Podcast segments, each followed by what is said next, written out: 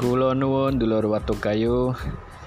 Di episode 2 kali ini kita akan publish rekaman bincang-bincang hadita dengan Mbak Nih Intan di radio RRI Bintuhan.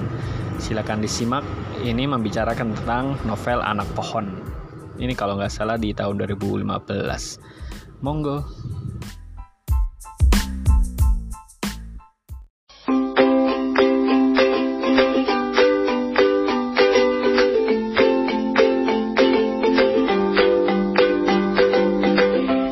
Disiarkan langsung dari kawasan Padang Kempas Pondok Pusaka di 98,8 MHz RRI Bintuhan di udara membangun peradaban. Pendengar seperti yang tadi sudah saya informasikan ya, bahwa untuk kaur membaca edisi hari ini kita bakal ngobrol sama salah satu penulis yang karyanya ini udah udah lumayan banyak nih. Langsung aja di ujung telepon saya sudah terhubung bersama Kakak Hadita Muhammad. Halo, selamat sore Kakak. Halo Kak Intan. Iya, selamat sore. Lagi di mana nih posisinya sekarang? Lagi duduk di depan layar di kantor. Mhm. Belum pulang ya? Belum. Belum ya. Mm-mm, Nggak apa-apa digangguin sebentar ya. Gak apa-apa. Nggak apa-apa. Oke deh. Sekarang lagi sibuk ngerjain apa nih kak? Sekarang ya gitu deh. Kerja Hmm. kantor terus translating terus nulis novel. Mhm. Selip-selipan ini ngerjainnya. Oke, jadi banyak ya? Banyak. Banyak lumayan. kerjaan. Oke deh, kita pengen kenalan dulu nih seben- eh, sebelumnya ya pendengar RRI Bintuan pengen tahu sebenarnya seorang Hadita Muhammad kenal dunia tulis menulis sejak kapan sih?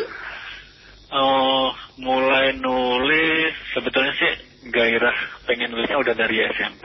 Mhm. Tahun berapa itu ya? Sekitar 2003 apa ya? Mhm. Terus saya sempat nulis ini dulu apa namanya kayak ringkasan gitu cerita, tapi nggak bisa bisa aku tulis sampai Hmm. akhirnya tahun 2011 kayak kesambet apa gitu tiba-tiba kok dalam satu pelajaran itu aku kan bengong Mhm. tiba-tiba ngetik aja Iya. Jajet jajet jajet satu bab lulu udah habis itu keterusan Heeh. Tapi emang dari zaman kapan gitu emang suka baca atau gimana nih? Emang punya teman yang suka nulis atau barangkali dari keluarga juga emang udah deket sama dunia tulis menulis atau gimana kak? Eh, itu kalau itu sih kayaknya secara tiba-tiba aja sih. Mhm. Saya juga waktu SMP juga nggak terlalu banyak baca, paling paling bacanya yang paling aku suka Harry Potter doang. Mhm. Tapi waktu mulai pertama nulis bener-bener itu baru langsung kugiatin baca-baca. Mhm. Ya, Oke. nyari-nyari apa namanya referensi gitulah. Mhm.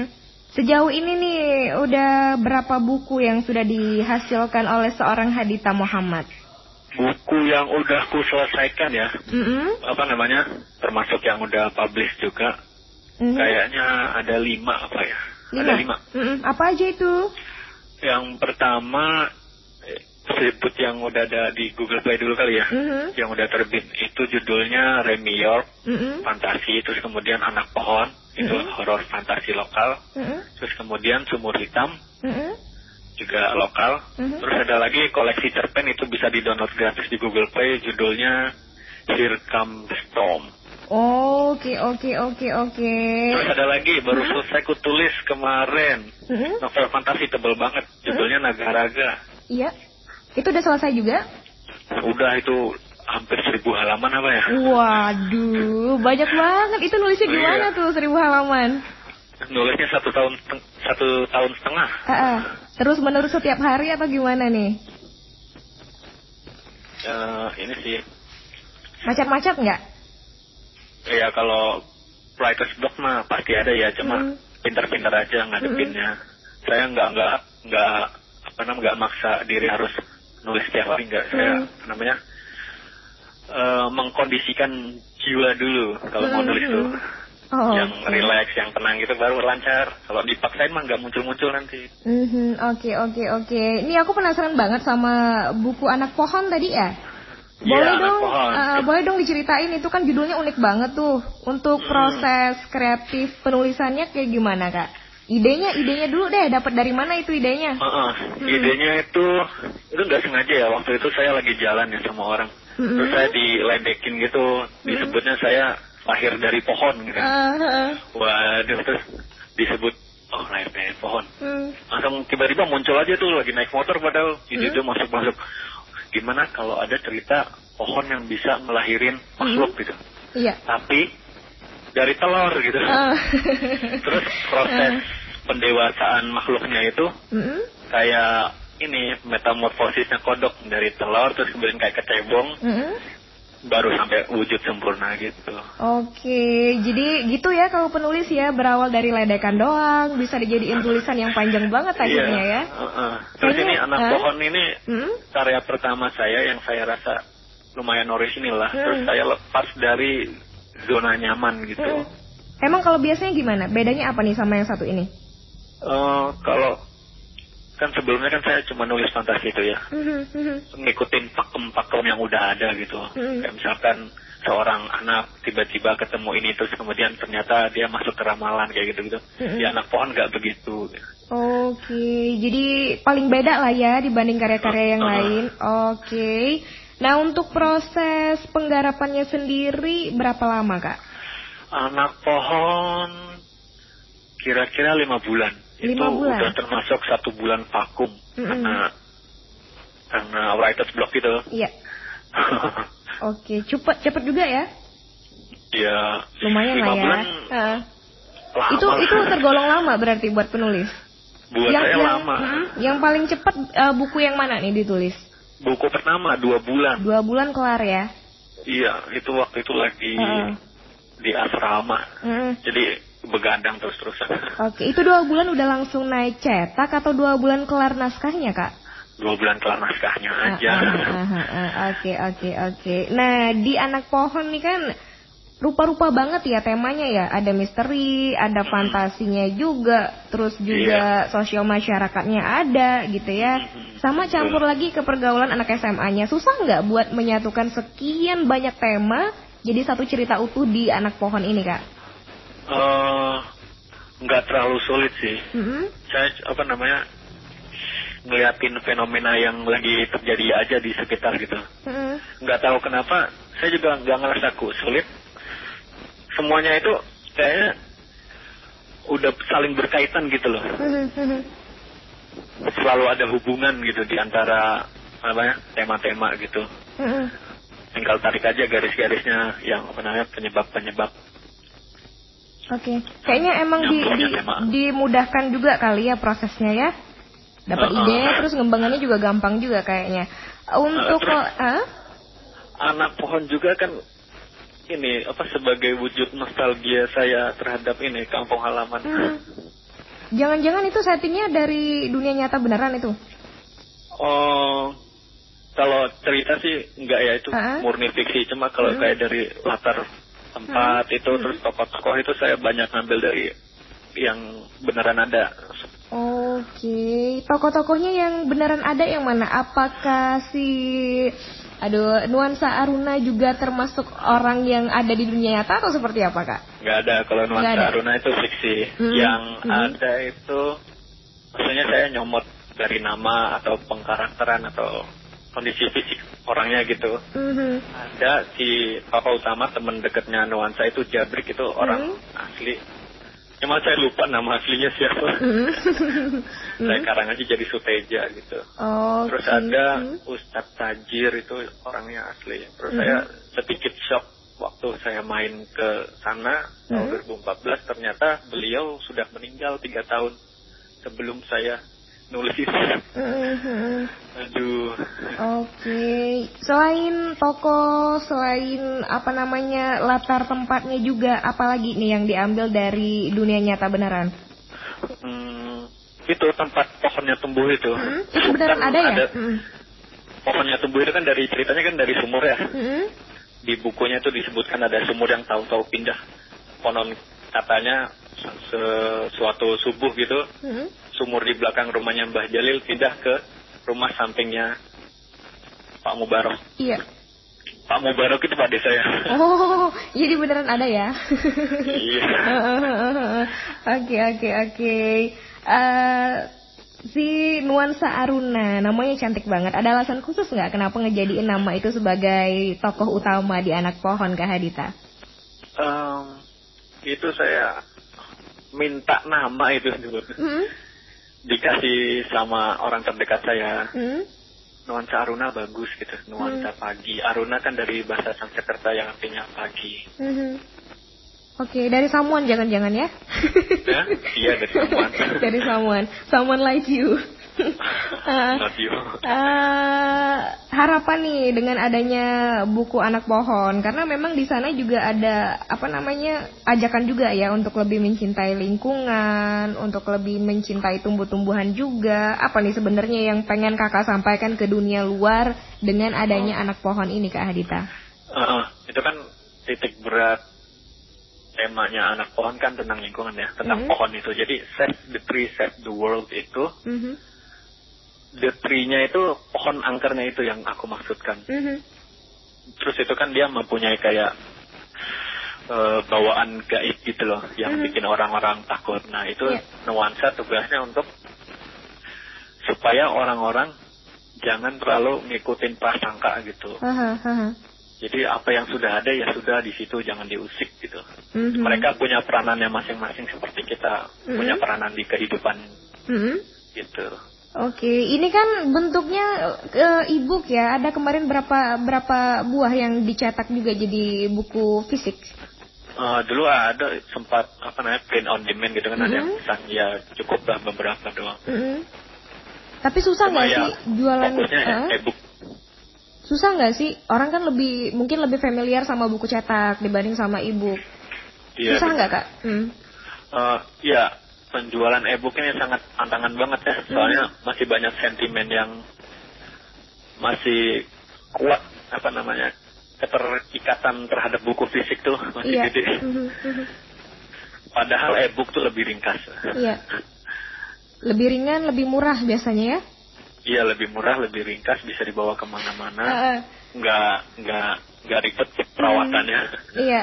Tapi bikin mata capek juga sih kalau Iya kelamaan. sih itu, iya itu salah satu sisi negatif. Tapi so far ngerasa apa namanya eh pengen pengen untuk selanjutnya pengen bikin ebook lagi atau lebih ke buku cetak kak? Enak-enak yang mana sih sebenarnya? Untuk pangsa pasar. Indonesia?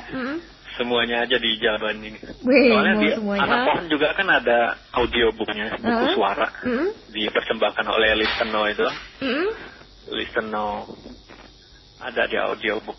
Oke, jadi audiobooknya ada juga ya. Ada. Ah, kalau menurut seorang Hadita sebenarnya sekarang ini kalau kita lihat di pasar buku Indonesia, genre apa sih sebenarnya yang paling laris, paling diminati sama pembaca-pembaca di Indonesia?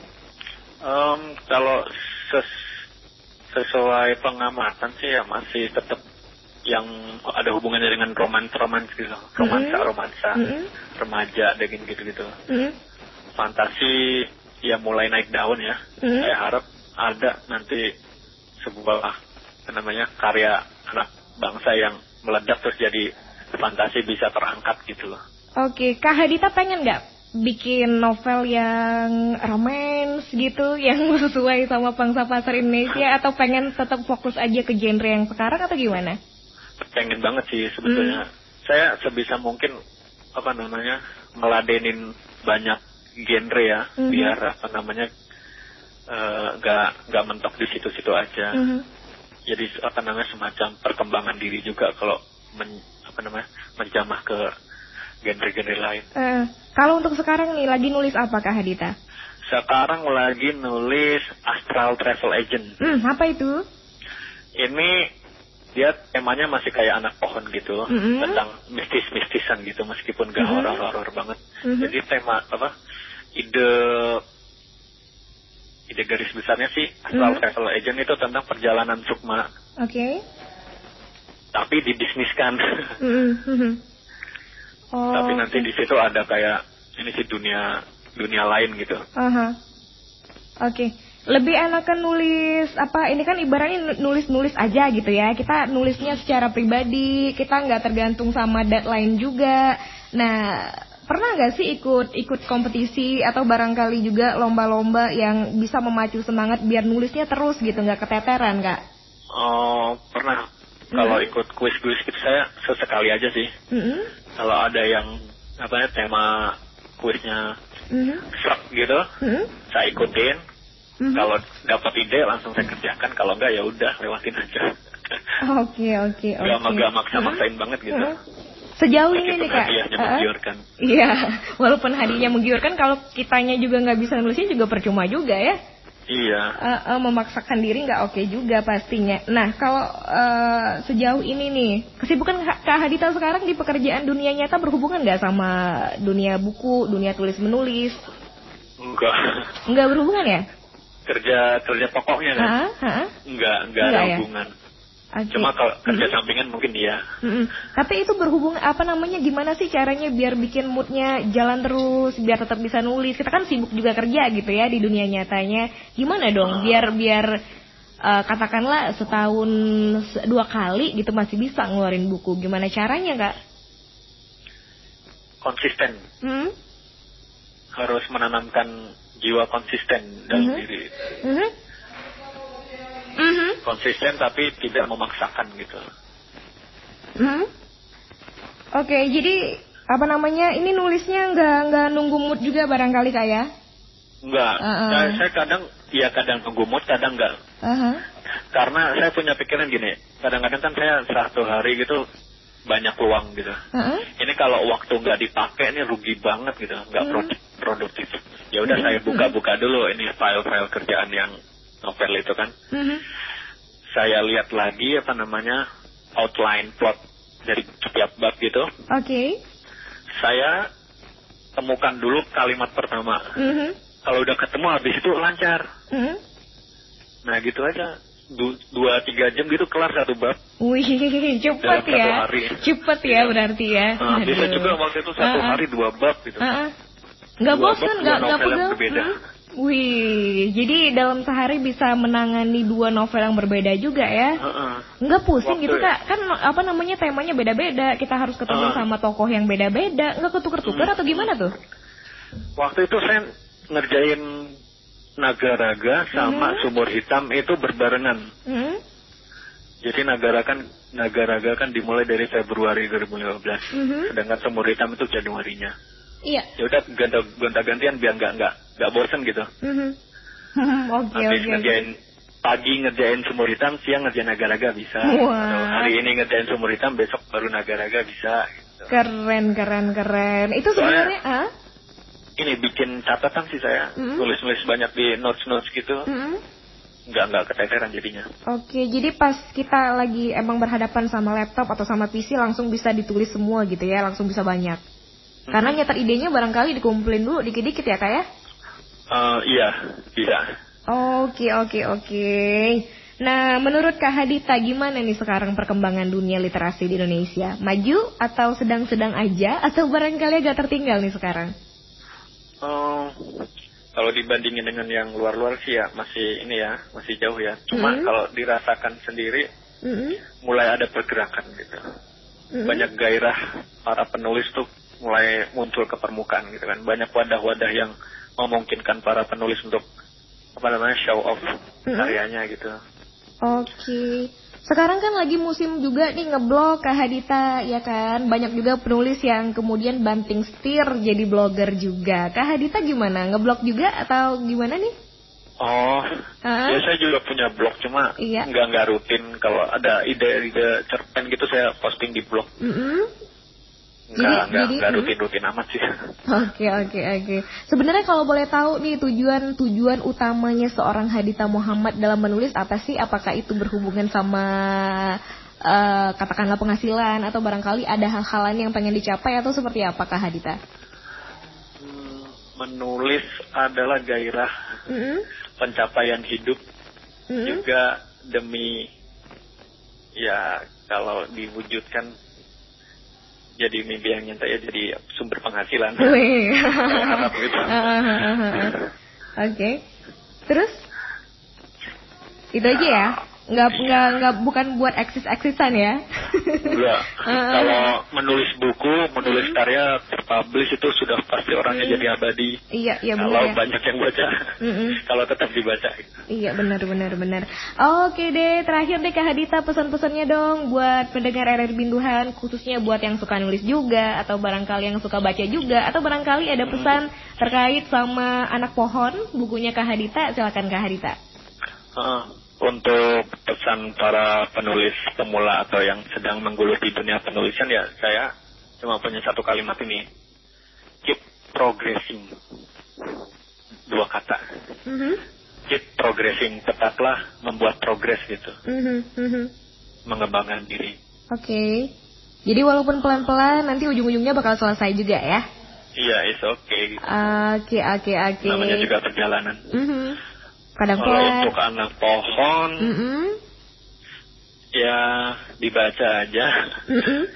ada di Google Play Mhm. ebook Uh, itu anak pohon meskipun dikatakan horor ya nggak nggak terlalu horor-horor Mhm. banget sih cuma lebih ke arah misteri Mhm. klinik Mhm. terus tentang apa namanya pergaulan masyarakat Mhm. anak muda lingkungan tetangga gitu-gitu Oke Dan deh. Hmm? masalah gaib-gaiban Oke oke oke. Terima kasih ya Kak Hadita buat waktunya. Sorry banget nih kalau misalnya ganggu kerjaannya belum kelar ya. Oke, nanti kalau misalnya ada karya terbaru lagi, bisa lah ya kita ngobrol-ngobrol lagi di RRI Bintahan ya Kak ya. Mm-mm, Oke, terima kasih. Ya. Selamat kerja lagi Kak Hadita. Selamat Iya. sore. sore Kak Intan Iya.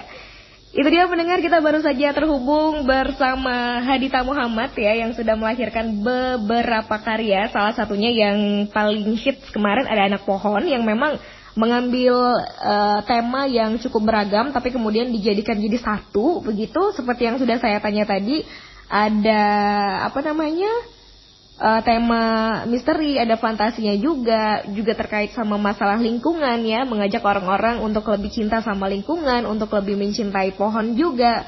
Kemudian mengangkat masalah mengenai sosial masyarakat, keluarga, apa namanya lika-liku pergaulan anak SMA juga dibahas. Nah, itu semuanya terrangkum, terpadu dalam sebuah karya yang namanya Anak Pohon. Terus kalau kata Kak Hadita tadi, sebenarnya dalam apa pun pekerjaan kita gitu ya, asal kita punya progres, mau progresnya eh, kita ngerjainnya pelan-pelan, kita ngerjainnya agak lambat gitu ya. Tapi kalau kita emang terus menerus continue dikerjain, kita punya target kapan bakal selesai, itu semuanya juga pasti bakal di satu titik juga bakal selesai pastinya ya. Nanti kita masih bakal ngobrolin hal-hal baru seputar buku pastinya untuk Anda sampai jam mm, eh, 4 sore sebelum kita masuk ke gelaran Dangdut by Request. Jadi pastikan tetap di 98,8 MHz RRI Bintuhan di udara membangun peradaban.